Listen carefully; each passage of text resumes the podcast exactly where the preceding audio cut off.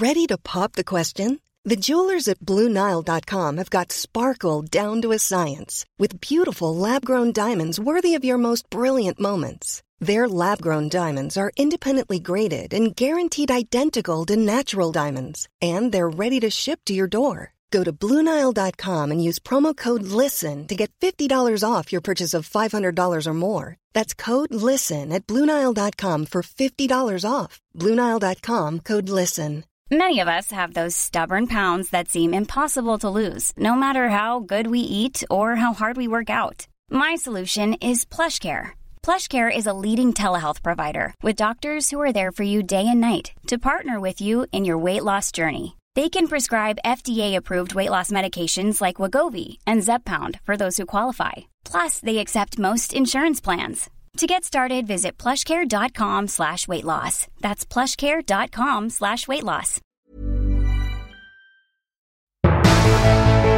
Hva gjør medienes personfokuserte og kritiske journalistikk med mennesker som står midt oppi det? Hva gjør det med livskvaliteten og med den psykiske helsen? Og hvilke følger får dette trøkket for disse menneskene senere i livet? Det lurer jeg på i dag, og en av dem som vet mest om dette i landet, sitter her ved siden av meg, og jeg skal snart introdusere han. La meg likevel starte med en beklagelse eller to.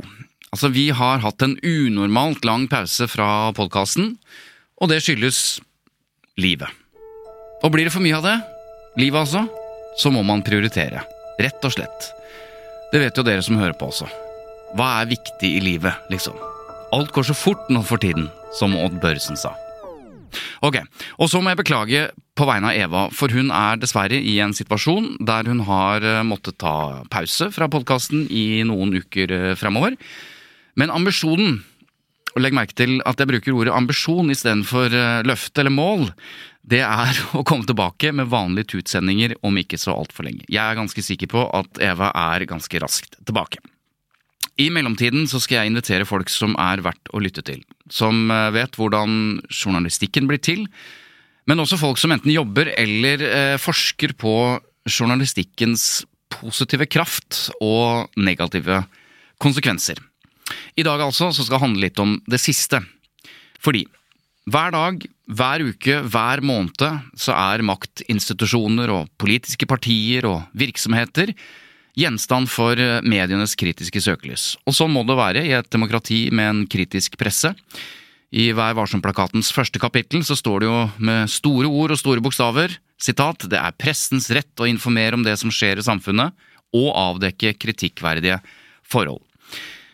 Men så er det sånn da at i disse institusjonene, enten det er private eller offentlige, så jobber det mennesker med ansvar og makt. Så hver dag, hver uke og hver måned så pågår det kritisk journalistikk mot enkeltpersoner. Og de har jo sine familier og sine venner og sine følelser og bekymringer, akkurat som, akkurat som oss. Så hva gjør egentlig medieoppmerksomheten med mennesker som opplever kriser eller stort kritisk medietrykk? Hvordan er det egentlig å våkne opp hver dag og se ansiktet sitt, gjerne et forferdelig dårlig bilde, valgt med omhu, på alle nettaviser eh, med negative karakteristikker, og kanskje enda verre omtale i sosiale medier? Det skal vi snakke om i dag, og siden denne eh, personifiserte journalistikken pågår hver eneste dag, så finnes det jo selvfølgelig hele tiden aktuelle saker. Jeg kan tenke meg at du som hører på nå allerede har tenkt på noen sånne saker. Denne uka så var jeg invitert til NRKs Dagsnytt 18 sammen med Redaktørforeningen og en psykolog, og vi skulle diskutere dette noe mye omtalte, noen kaller det famøse Märtha Louise-intervjuet eh, som hun hadde gjort med svensk TV. Der hun også var svært kritisk til norsk presse, og snakket om belastningen hun og sjaman Durek, og ikke minst hennes avdøde eksmann, hadde opplevd opp gjennom tiden. Hele tiden kontinuerlig. Så diskuterte vi dette, og Redaktørforeningen var veldig eh, kritiske til eh, Märthas beskrivelse av norsk eh, presse, der de mente at hun nærmest la skylda på pressen, delvis, eh, for at Ari Behn tok sitt eget liv. Etter sending så ble jeg stående med denne psykologen og forskeren Kim Edgar Karlsen, som sammen med Fanny Duckert har forsket på hvordan det er å være i medienes søkelys. De har skrevet en bok om temaet, de har publisert flere vitenskapelige artikler, så da tenkte jeg la oss fortsette praten. Kim, velkommen til Tut og mediekjør. Takk skal du ha. Du, takk for praten sist, og at du vil fortsette den her. Dette er jo et, et spennende tema, du jobber med det. Hvorfor tror du temaet opptar folk? Det er jo litt som du innledet med å si, at det er jo, det er jo aktuelt hele tiden. Mm. Eh, det er et tema vi diskuterer mye, eh, og som eh, kanskje til og med blir mer og mer aktuelt. Sånn som mediebildet utvikler seg, også med nye medier og mm. døgnkontinuerlig flyt. Og Derfor så utvikler forskningen seg også. Dere skal, dere har sett, Vi skal snakke litt om det, at ikke bare tradisjonelle medier, men også sosiale medier men du, dette er ikke bare Märtha-saken som vi diskuterte. Eh, det er hele tiden mennesker, som du sier, som er i medienes søkelys.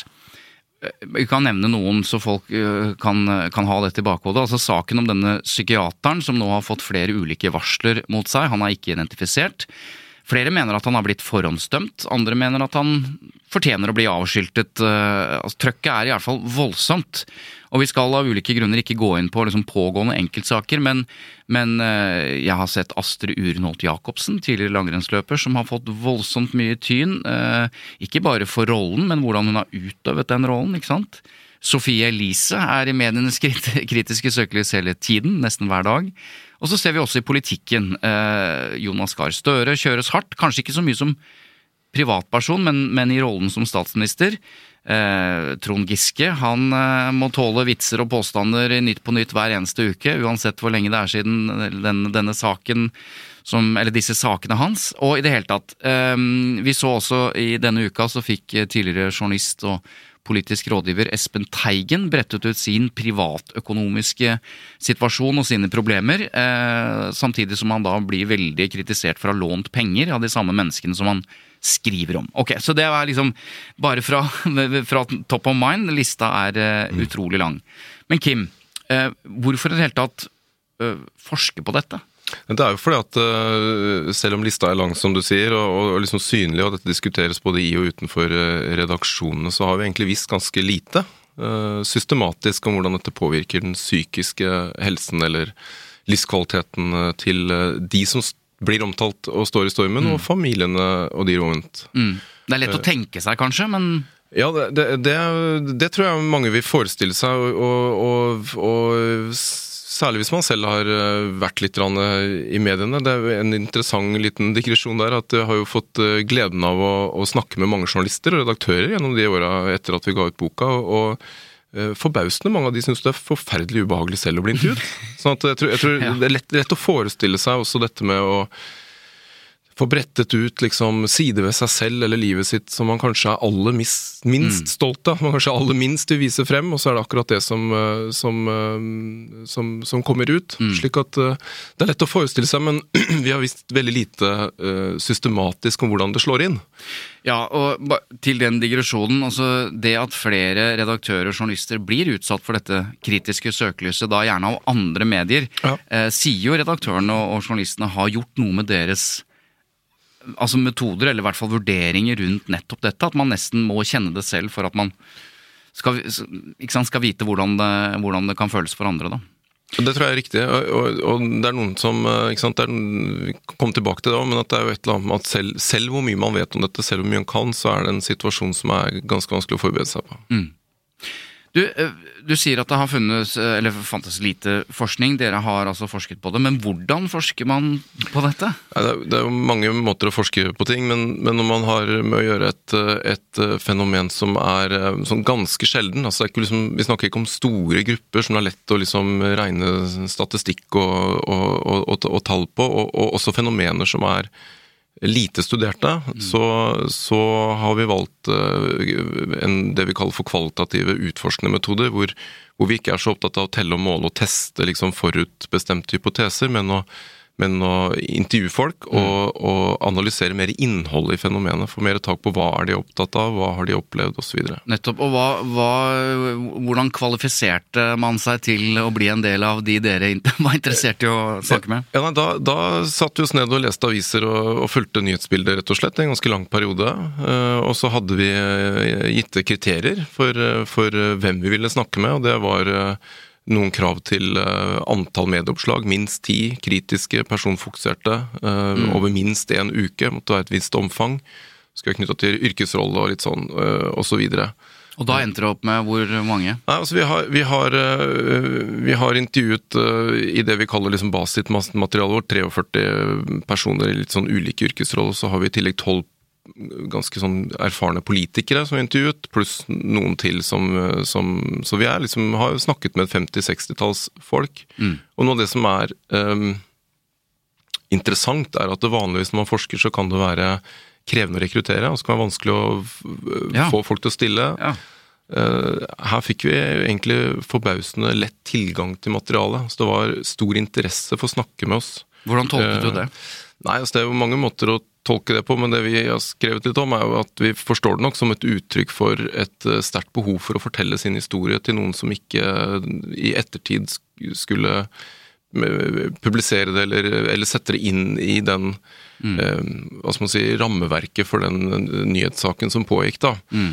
Eh, sånn at vi forsto det nok som et uttrykk for, for et, et visst sånt emosjonelt trøkk, og også ønske om å snakke med en mer sånn nøytral part, da, som, mm. ikke, som, ikke, var journalist eller skulle gå rett ut med det. For å gripe tak i akkurat det du opplever eh, når du spør om de kan være med, så, så sier de nettopp det, altså, eller du tolker det dit hen, og noen sier at det er et behov eller et ønske om å fortelle sin versjon. Ja.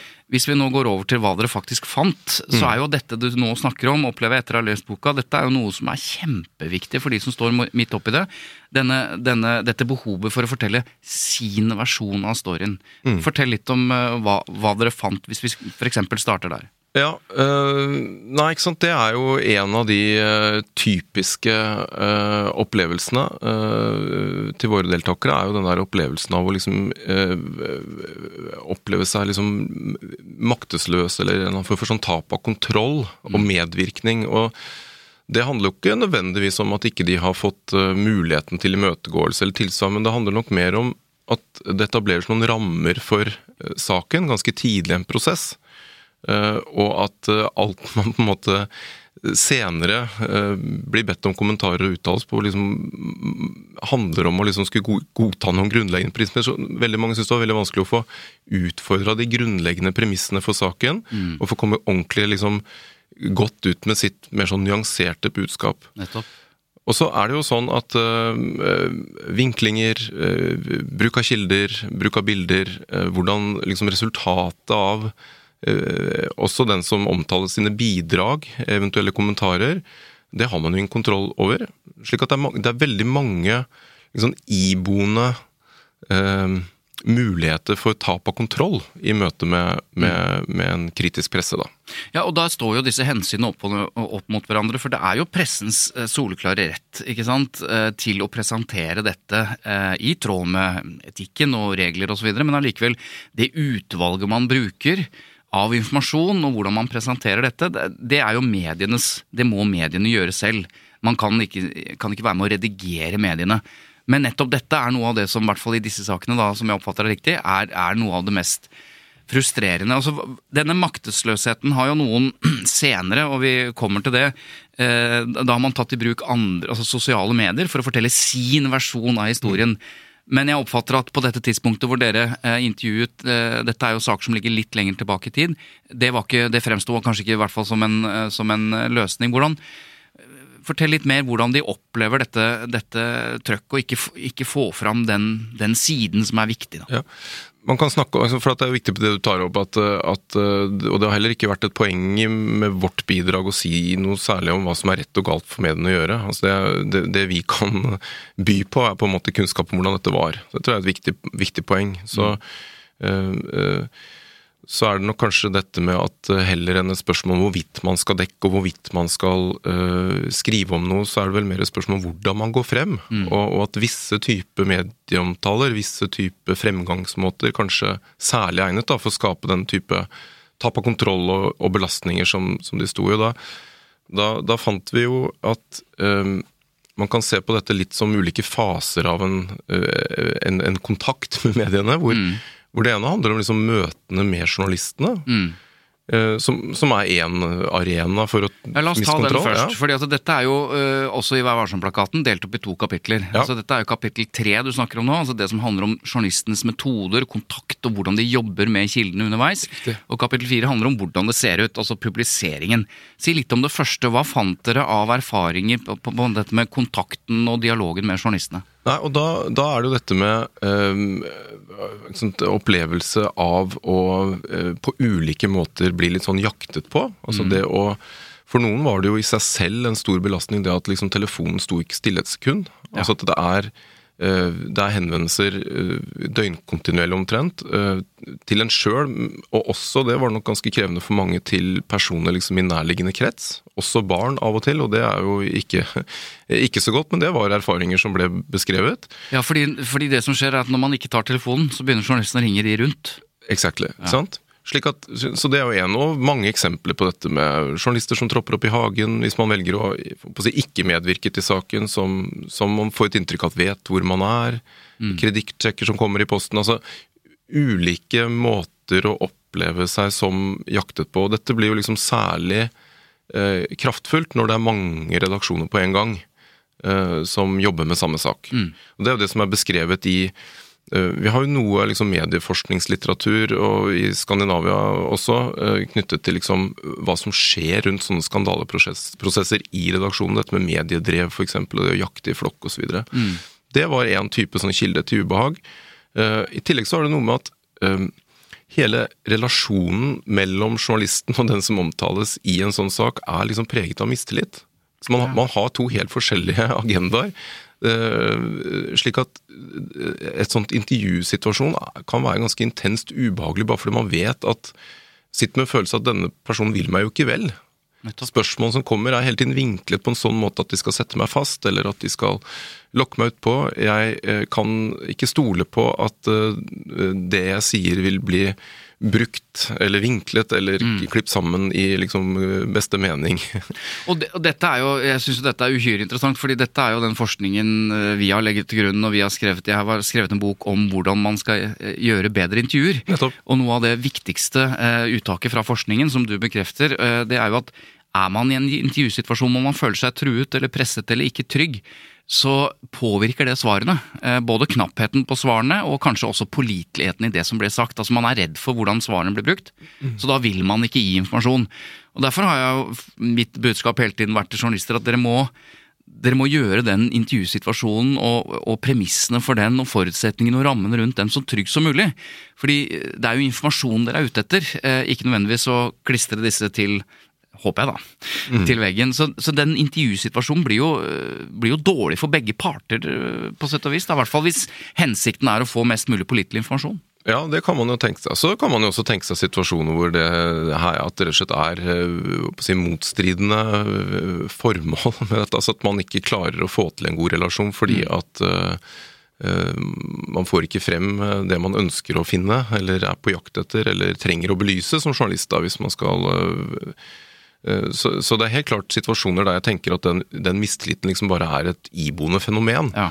eh, som man kanskje ikke helt kommer forbi heller, men som det er viktig å være klar over. Og tror jeg, akkurat sånn som du er inne på, i den grad man kan legge til rette for en større grad av informasjon, mm.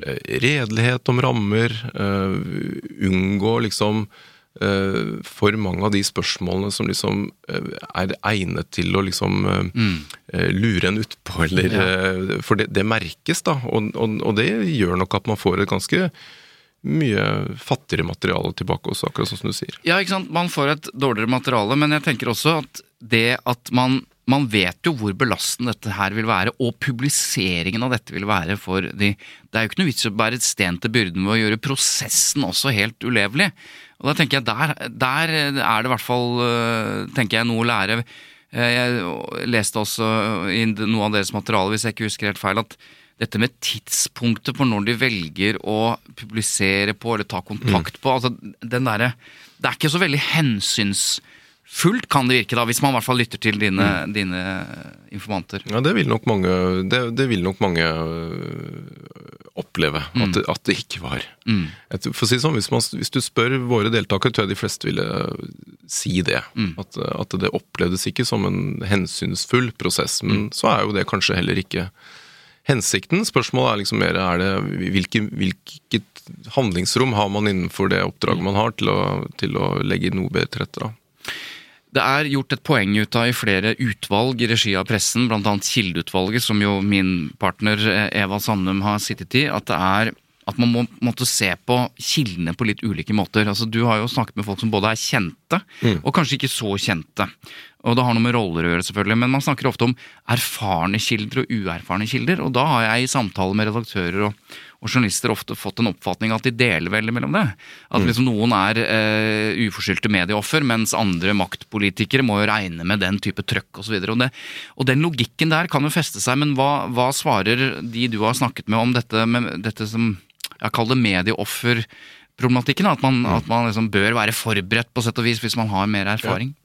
Nei, Det tror jeg kanskje er et av de mest overraskende funnene, syns jeg, i, i, vårt materiale. At uh, selv de som er veldig erfarne, veldig drevne, som også til tider proaktivt har oppsøkt offentligheten, politikere f.eks., uh, ledere, andre type, de, eh, de, kan bli like preget av en sånn mediestorm som alle oss andre. Mm.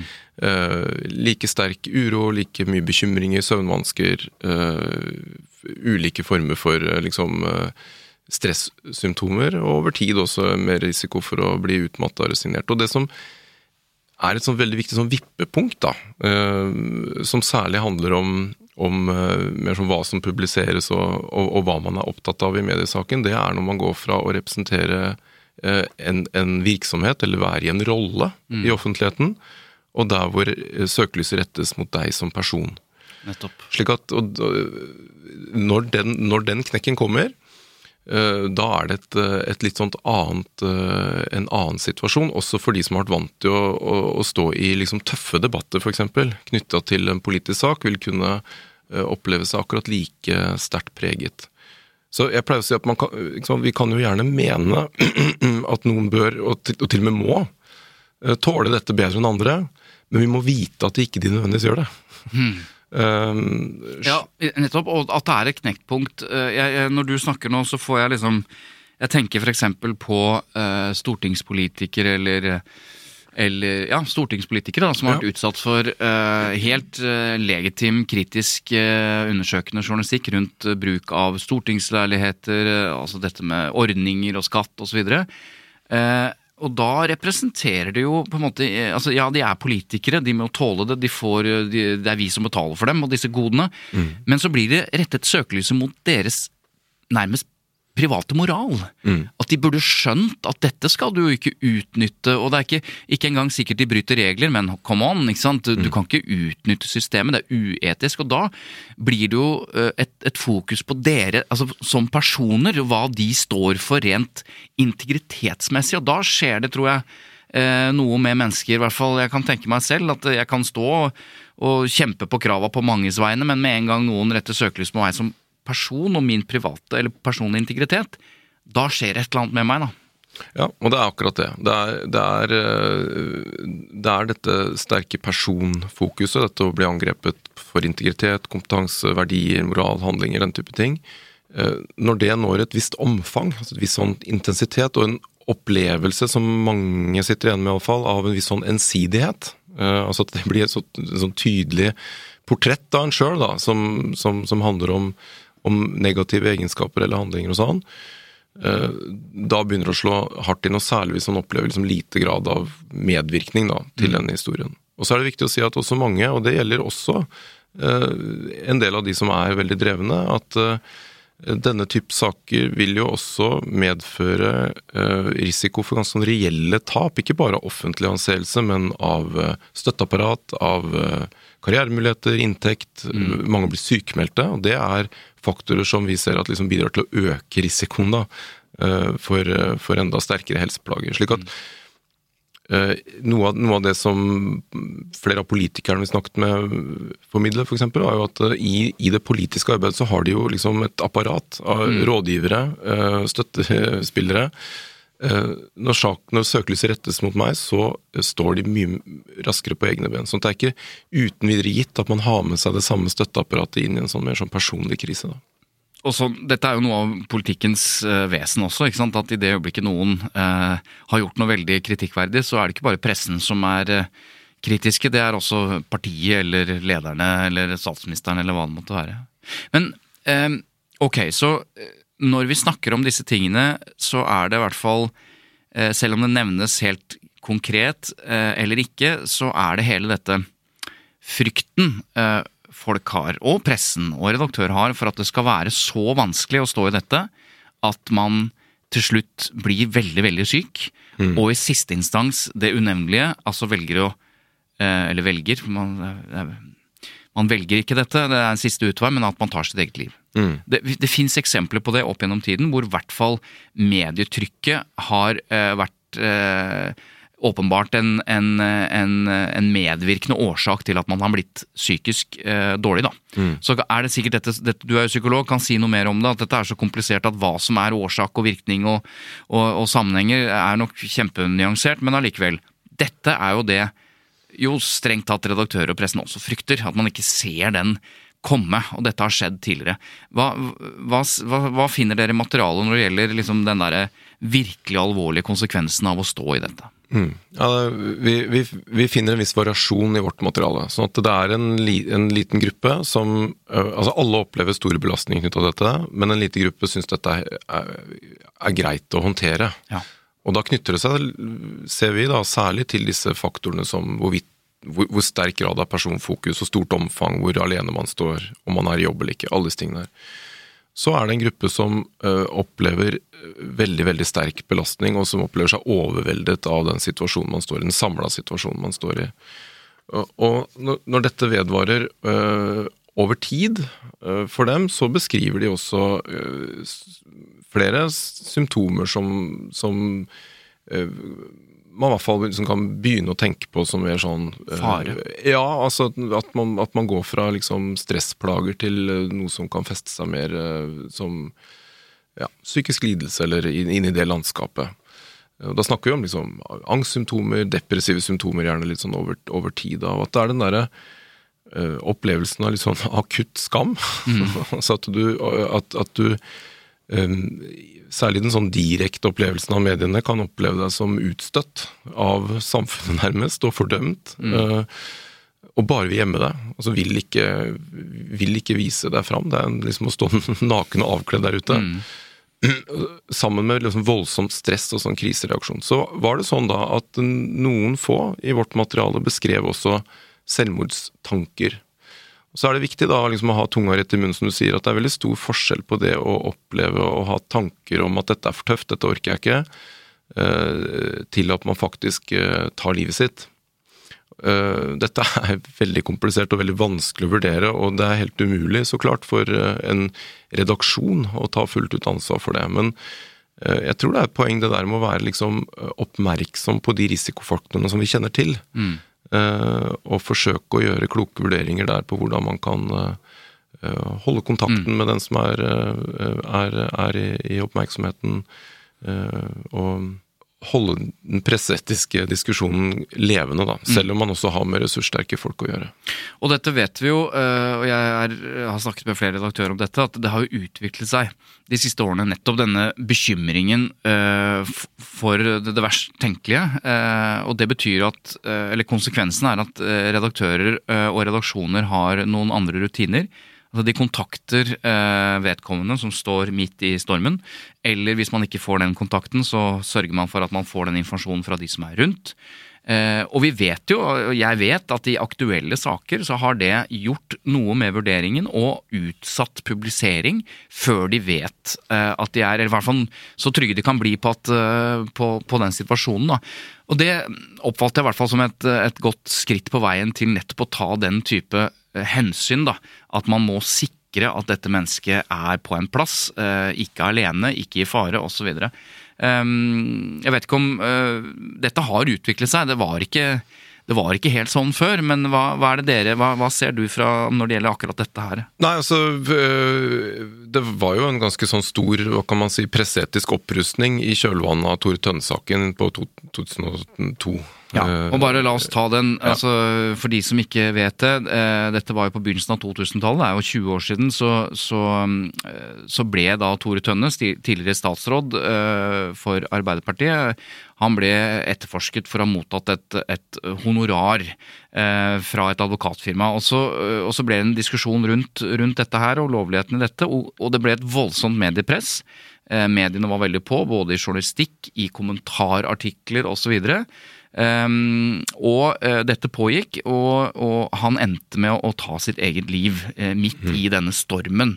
Uh, og da var det venner av han som, som helt rett fram sa at pressen nærmest hadde, hadde tatt livet av ham. Mm. så dette førte jo også til en, en, en ja, en, en granskning i pressen etterpå som skulle se på hva som hadde skjedd og ta lærdom av dette osv. Så, videre. så det er liksom Tore Tønne-saken. Derfor bruker man ofte det som en sånn referansepunkt. da. Ja, og Helt konkret så var det jo liksom flere av liksom tiltakene eller anbefalingene etter denne evalueringen som, som, som, er veldig gode. Altså dette med altså, etikkredaktører som flere liksom har etablert.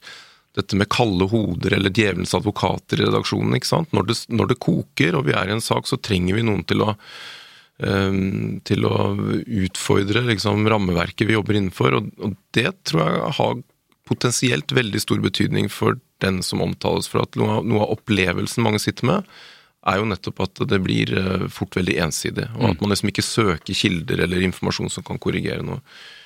Um, og bare for å ta det, Vi har jo fått gleden av å møte mange journalister og redaktører etter at vi ga ut denne boka. og mitt klare inntrykk er jo at interessen for å forstå dette bedre og jobbe godt med det er veldig sånn høy mm. i, i, norske redaksjoner. Um, og så sier nok våre deltakere, iallfall det vi finner, at det er nok eh, fortsatt noen liksom presseetiske idealer som ikke alltid etterleves fullt ut, sånn som mm. de opplever det iallfall.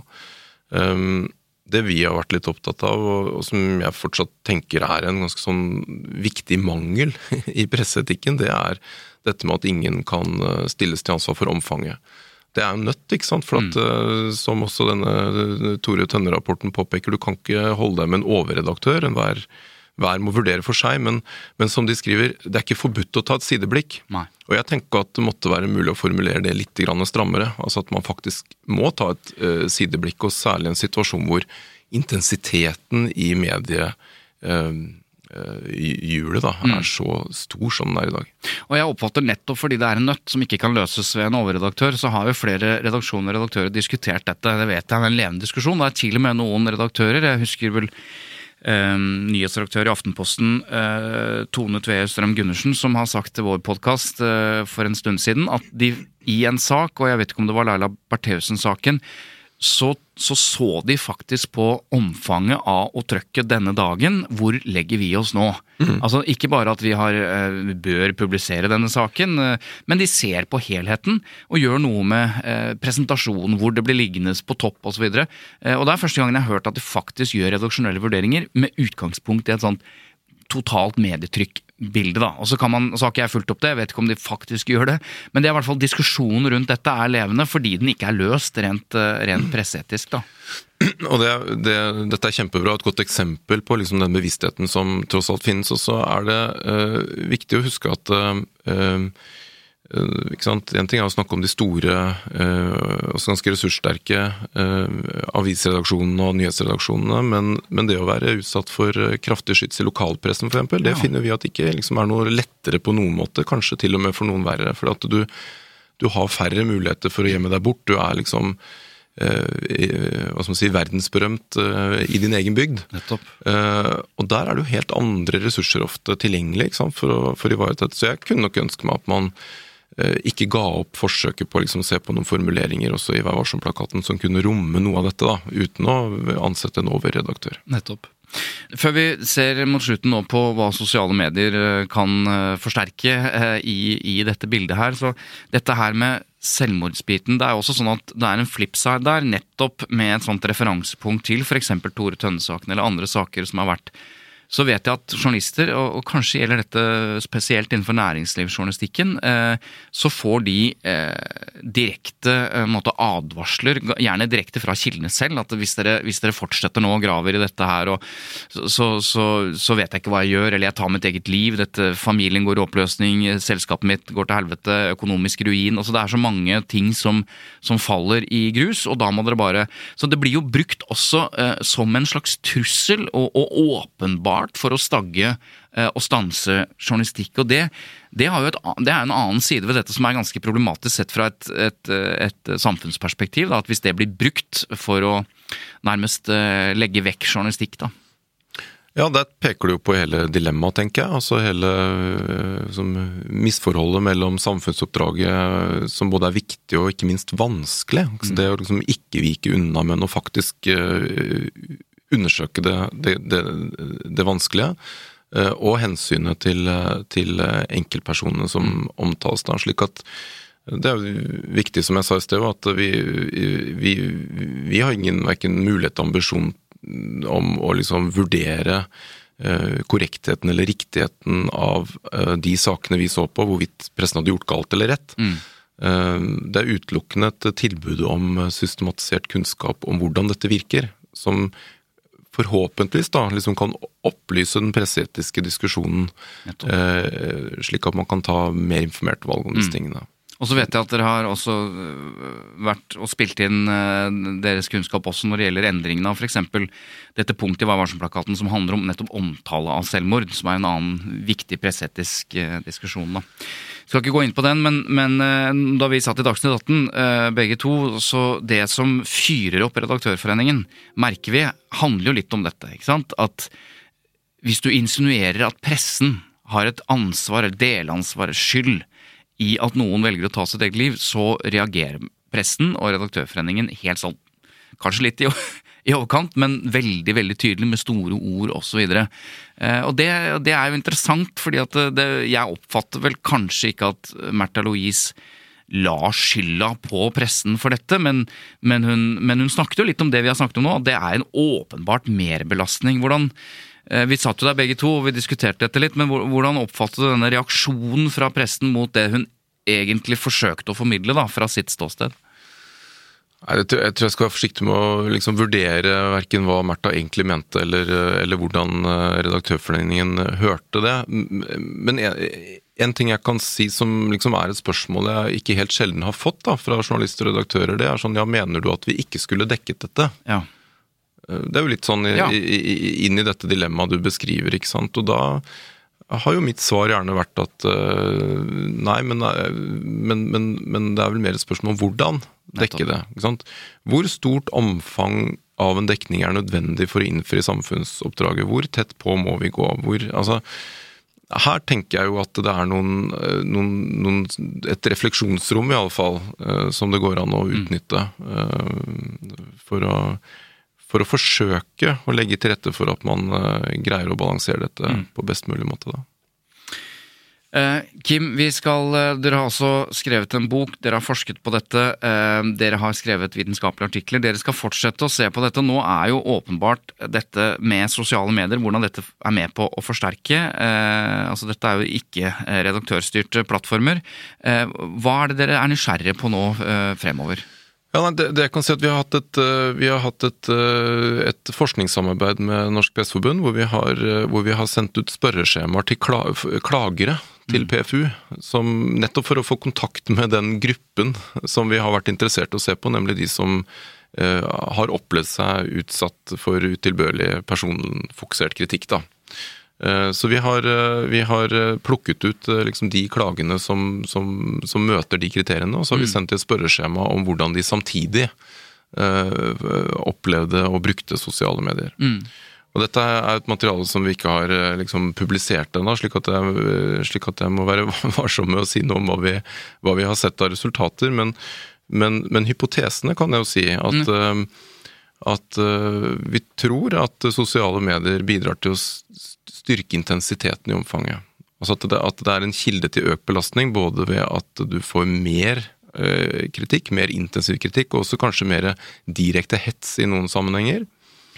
Eh, Men så tror vi samtidig at det kan ha noen eh, modererende effekter på belastningen ved at man, særlig de som er aktive på sosiale medier og har et publikum å henvende seg til på sosiale medier, selv kan ha regi eh, på fortellingen om seg selv i større grad. Altså at man kan legge ut saker osv. Og, så videre, og at det er en kilde til, eh, til eh, støtte. Mm.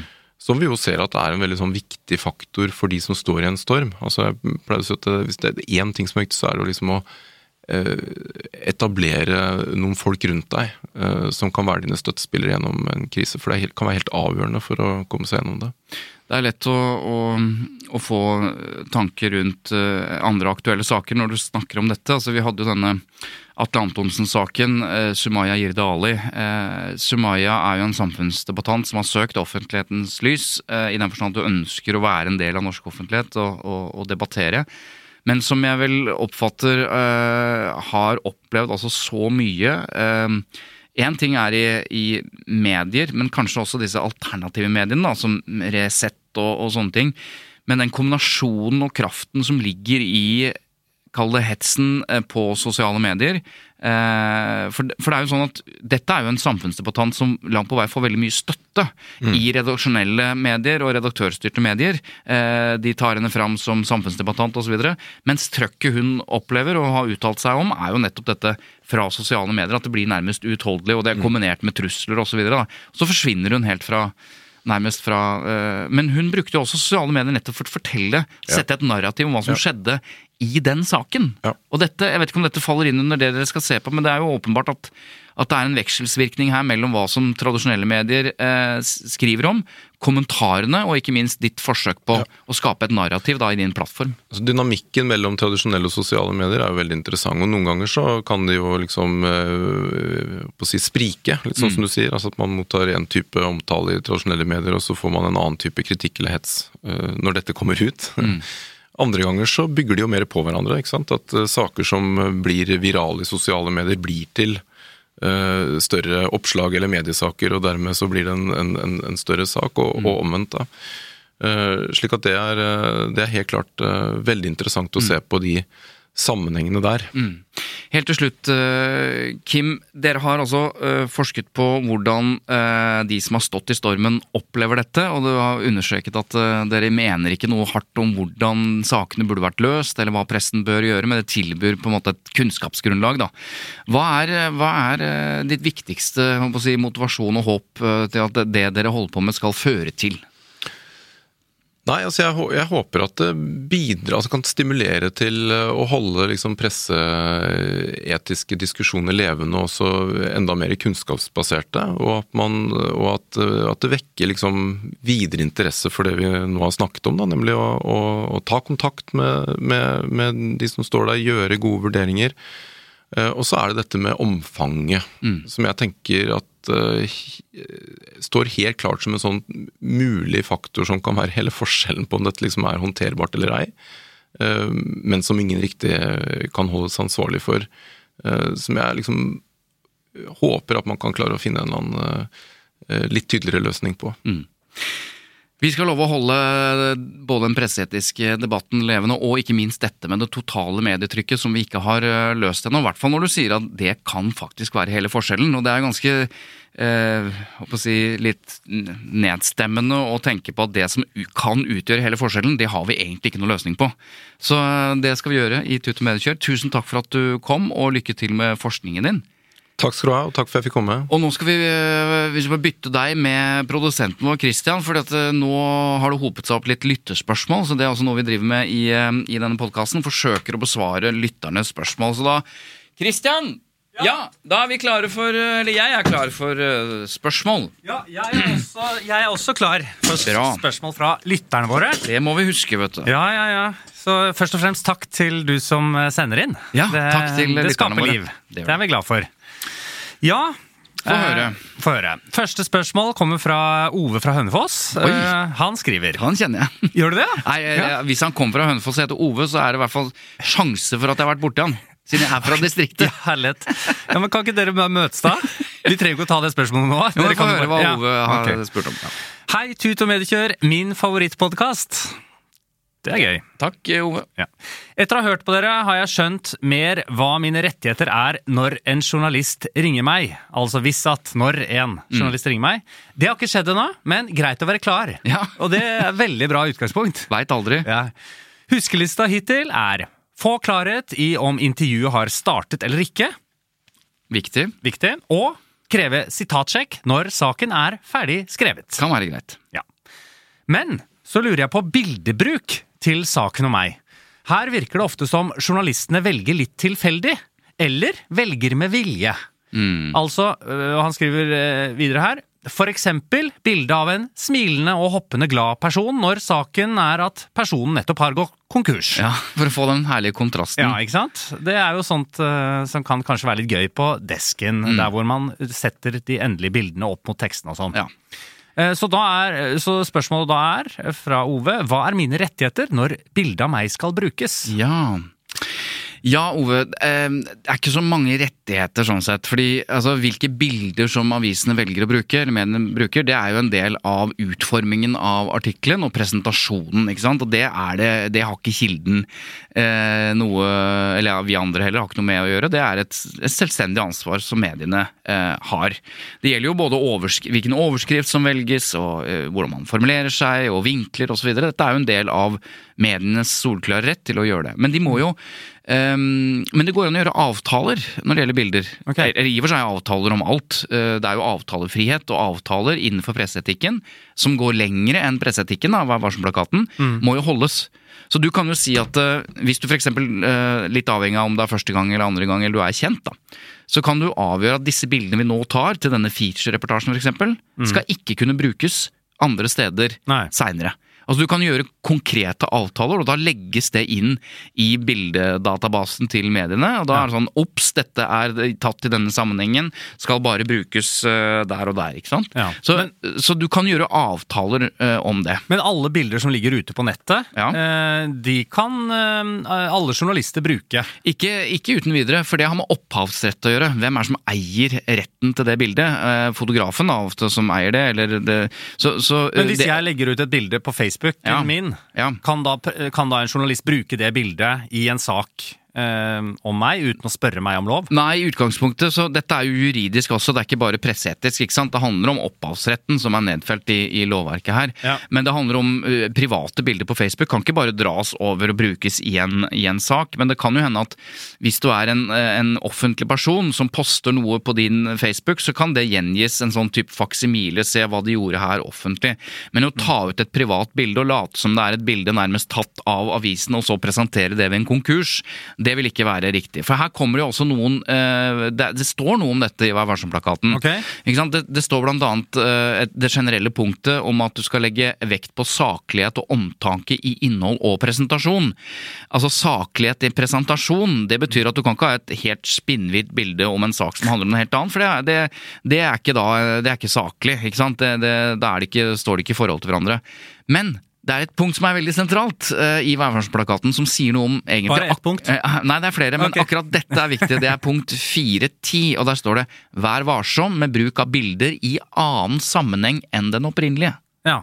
Ja. Så det sier jo faktisk noe helt Men, men, konkret. men så, så Ja, ikke sant, jeg skjønner. Men, men eh, videreføring av dette spørsmålet, da, er jo sånn Hvis det er en, en fotograf til stede, og du blir, det er et intervju som blir gjort, Ja. og denne fotografen tar massevis av bilder, Riktig. kan du da spørre om Ja, men jeg vil vite hvilket av de bildene av de tusen du brukte, Ja. liksom? Absolutt, det kan du absolutt spørre om. Det er Ja. det samme som å si at, eh, at du gjerne vil ha sitatsjekk. Altså? Det å få sitatsjekk er jo ikke nedfelt i Vær varsom-plakaten. Det har du ikke rett til. Men du Nei. kan spørre om det, Mm. og hvis de sier at det er greit, ja, da må du få det. På samme måte som kan jeg få se på et utvalg av bilder? Ja. Eh, og hvis de sier nei, det har vi ikke tid til, eller nei, det får du ikke, eller nei, eh, så får du ikke det. Men Nei. hvis de sier ja, og så det, er, det står mellom disse, har du lyst til, eh, vi velger et av disse tre. Ja. Så kan du ha noen meninger om det. Så alt handler om hva er det du inngår av avtaler eh, Ja. med pressen, men i utgangspunktet ingen rett til å velge blant de eh, 100 bildene de tar, da. Nei. Men det står også i Vær varsom-plakaten at det, det gjelder de samme aktsomhetskrav eh, gjelder, altså, som for skriftlig og muntlig fremstilling når det gjelder bilder. da. Så det betyr at Ja, eh, de, er, de, er, de er forpliktet til å vise aktsomhet eh, i billedbruken, på samme måte som eh, i det skriftlige. Mm. Eh, og da skal det jo f.eks. i, i Vær varsom-plakaten så står det at, det ikke, at overskrifter og henvisninger og ingresser ikke skal gå lenger enn det er dekning for i stoffet, og da åpenbart kan ikke bildene heller gjøre det. Så, Mm. så bilder er omfattet av det samme, men kanskje det viktigste punktet er altså det at uh, vær varsom med bruk av bilder i annen sammenheng enn den opprinnelige. Og når du ser konkurser av hoppende La oss si du har starta en selskap da, i en lokal bedrift og er kjempehappy, og du hopper rundt og spretter og er superhappy, og så går det konkurs to år etter. Hvis de bruker de samme bildene, så står det her vær varsom med bruk av bilder i en annen sammenheng. For det, det er jo, Ja. to, det er jo en Ja, annen ja. sammenheng når du starter bedrift og går konkurs. Det jo det. Men så vil jeg, tror jeg redaktøren argumenterer om at ja, men det er, jo, det er jo en sammenheng. Det er jo, handler om denne bedriften. Det er jo den store linjen. Det er, ja, ja. Så det var svaret på det, tror jeg, så langt vi kommer.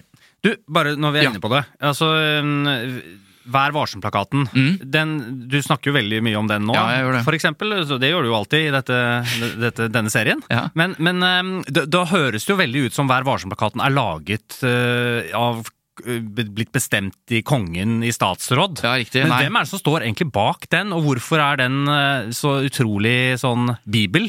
Ja, Det er fordi den er laget av pressen selv. Pressens organer fant ut midten på 30-tallet at vi kan ikke fortsette med den cowboyvirksomheten i kriminaljournalistikken som vi holder på med nå. Og Ja. eh, det har jo sitt utgangspunkt eh, i at kriminaljournalistikken var ekstremt utleverende og brutal. Der kunne man oppleve at man eh, identifiserte en øksemorder og forklarte både hvem han hadde drept, hvordan han hadde drept henne, og ikke minst motivet, at man var klin gæren. Alt på en gang i løpet av noen timer. Så da nedsetter man en, en, noen som skulle se på liksom, noen regler må vi ha, Ja. og det var opphavet til Vær varsom-plakaten fra 1935, og så har den blitt revidert mange ganger. Men det går jo inn i nettopp at det er en selvdømmeordning, altså eh, pressens faglige utvalg, som forvalter da denne Vær varsom-plakaten og skal se på medienes eh, gjøren og laden. Eh, det, er, det er eget, eh, på eget initiativ, også pressens initiativ. Og så sitter det jo i Vær varsom, nei, i eh, pressens faglige utvalg så sitter jo da også folk fra allmennheten. Og der er jo vår Eva Sandum, så han sitter der i 15 år og vurdert dette her opp mot Vær varsom-plakaten, som ikke er vedtatt av kongen i statsråd, men som er vedtatt av pressens egne organisasjoner. Ja, Det er alltid greit å ha Ja. et eget reglement som man har vedtatt selv. Ja, ja, det er kjempesmart. det er det beste. Det er det aller beste. Helt. Ok, da er det klart for spørsmål to. Yes. Ja, um, Hei, Tut. Influenser Sofie Elise Isaksen er i hardt vær. Det er ikke et spørsmål, så Nei. det kommer mer. Ja. Eh, etter et bilde lagt ut i en kort periode med bilde av en liten pose med hvitt innhold. Ingen vet hva er. Hvordan kan media lage så mange saker på så lite kjøtt på beinet? Ja. Altså, kan det kalles journalistikk? Er det sånn at en journalist lager saker uansett om det er nok innhold til å skrive om noe eller ikke? Takk til eh, lytter som heter Hvem var det? Ja, dette Christian? er Live. Nei, dette var Live, ja. Ja, skal vi se, må, vi må jo ha hvor Live er fra. Skal Ja. vi se, Hun er fra Hvittingfoss. Fra Hvittingfoss. Mm. Uh, ja, dette var jo en serie Det var jo lyttespørsmål, men svært ledende spørsmål. Ja, Og- det, det. Og Live, ganske tenk på det neste gang. Ja. Nei, og ganske subjektivt, ikke sant? Fordi øh, er, Premisset i spørsmålet er at dette ikke er en sak. Og så kan de lage en sak som ikke er en sak, spør egentlig. Men det, men det er interessant allikevel, ikke sant? Uh, Kan de det? Uh, Svaret er ja. Altså, Ja. Mediene er, gjør akkurat hva de vil, innenfor de eh, etiske regelverket vi har snakket om, og innenfor også juridiske regelverket.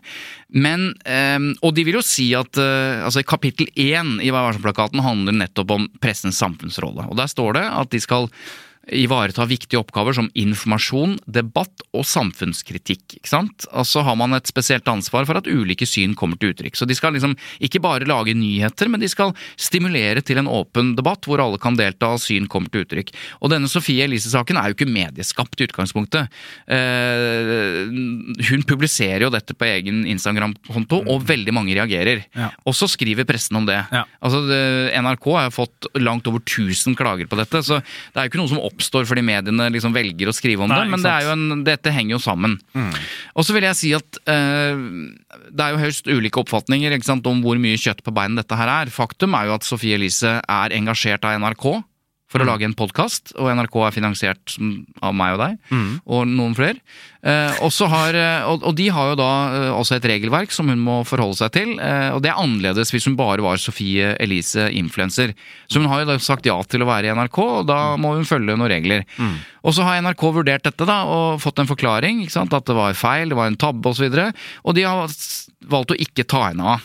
eh, Med en begrunnelse at vi kan ikke fyre folk pga. at de gjør en feil, f.eks. eksempel Ja. Um, men det som gjør at mediene mener at dette er en sak, tror jeg handler om at Husk på at Sofie Elise lanserte jo sin egen podkast i NRK gjennom et annet NRK-program i beste fredagsunderholdningsstil på Lindmo. Sto fram med sine utfordringer og problemer knytta til rus, pillemisbruk, vært på rehab. Og så handler dette bildet, som åpenbart i hvert fall skal eh, antyde at det er eh, kokain i den, mm. den posen. Eh, og så har hun en podkast for unge lyttere på NRK. Så det er klart at det, er jo, en- det er jo miksen her som gjør at folk i hvert fall stiller spørsmålet, da. Ja, ja. Så, mm, men tilbake igjen til hovedspørsmålet. Er det sånn at journalist kan lage saker eh, uansett hvor lite innhold eh, man mener at det er? Eh, altså Det er jo journalisten sammen med redaktøren som avgjør hva de skal lage saker av. Eh, det skal være av interesse, det må jo det være det. Ikke sant? Eh, og så er det noen andre kriterier, da. Men eh, ikke sant, den som er utsatt for journalistikken, og hvis mener at dette her er uten innhold, det er helt, eh, og det skal det ikke skrives om, bør ikke skrives om, så må jo de klage inn til PFU og si at dette her er eh, ja, dette er brudd på et eller annet regelverk i, i Vær varsom-plakaten. Um, men hvis det ikke er etisk problematisk, hvis det bare lytterne tenker at dette er unødvendig, eller dette, dette er for lite, Ja, dette er for tynt Ja, ja. Det fins ikke noe punkt i Vær varsom-plakaten som sier 'dette er for tynt'. Nei, nei, ikke sant. Men du, er det, er det sånn, fordi kan det kalles journalistikk? Er det en sånn eh, en mal på hva som er journalistikk og ikke? Finnes det? Det som skrives om i redaktørstyrte medier, er journalistikk. Ja, ok. Ikke sant? Så det er, det er ikke Det er været? Ja, ja hvis Altså- det er en del av journalistikken. Ja, det, er i hvert fall, det er i hvert fall en del av det redaktørstyrte mediets tilbud til offentligheten. Ja, okay. Eh, og det er jo, Du kan si at alt Du kan jo diskutere om alle underholdningsprogram er journalistikk. Nei, det er Men det er likevel redaktør, redaktørstyrt, ikke sant? Det er Mm. en del av et tilbud. Men når man snakker om journalistikk, så tenker man jo ofte på nyhetsjournalistikk. Ja, ikke sant. Eh, så Det kan er man si- gravende. Ja, ikke bare gravene, men hendelsesjournalistikk. Altså alt som handler om det som foregår av nyheter i samfunnet. Mm. Dette er en eh, dette er en, en del av det. Mm. Eh, Så vil jeg bare si til eh, hun fra Hvittingfoss da, Livet, da. at jeg skjønner at du lurer på om dette er nok til å skrive om, men hvis du ser dette på et litt større perspektiv, og hennes innflytelse som både forretningskvinne og influenser osv., så, videre, så ja, det er nok verdt en omtale. Takk skal du ha, Livet, for ditt spørsmål. Takk, takk. Ja, jeg syns du svarte uh, greit, Svein Tore. Greit, ja. For du må jo ha noe å jobbe med Ja. Ja, til neste fredag. Kan også svares bedre, er jeg helt sikker på. Ja, jeg skal Men, eh, sjekke litt ut om det. ja. Om andre har svart bedre. Men uh, tusen hjertelig takk, Livet, og takk til deg også, Ove, for å ha sendt inn. Og da må jo jeg få lov til å si, uh, som produsent, at eh, innsendte spørsmål er jo gull verdt. Ja, det er gull verdt. Ja, da blir vi kjempeglade. Eh, Så fortsett å sende inn til eh, tut at lydeproduksjoner.no. Så har vi også en veldig oppgående Facebook-side. Ja. Der, eh, der er det også mulig å legge inn spørsmål. Du mener at siden i seg selv er oppegående? Ja, er altså en... ikke vi som står bak. Nei, absolutt ikke. Så det, det er også mulig. Veldig bra. Tut og mediekjør er tilbake igjen neste fredag. Da fortsetter vi nok med litt disse, denne tematiske varianten som vi hadde i dag, hvor vi går litt dypere inn i et tema. Ja. Og så vil eh, Eva komme tilbake når hun har muligheten til å komme tilbake.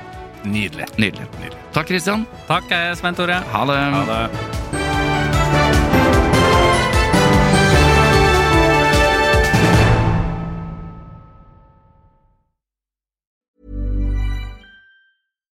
Here's a cool fact a crocodile can't stick out its tongue. Another cool fact you can get short term health insurance for a month or just under a year in some states. United Healthcare short term insurance plans are designed for people who are between jobs, coming off their parents' plan, or turning a side hustle into a full time gig. Underwritten by Golden Rule Insurance Company, they offer flexible, budget friendly coverage with access to a nationwide network of doctors and hospitals. Get more cool facts about United Healthcare short term plans at uh1.com. Hey, it's Paige DeSorbo from Giggly Squad. High quality fashion without the price tag. Say hello to Quince. I'm snagging high-end essentials like cozy cashmere sweaters, sleek leather jackets, fine jewelry, and so much more. With Quince being 50 to 80% less than similar brands. And they partner with factories that prioritize safe, ethical, and responsible manufacturing. I love that. Luxury quality within reach. Go to quince.com slash style to get free shipping and 365 day returns on your next order. Quince.com slash style.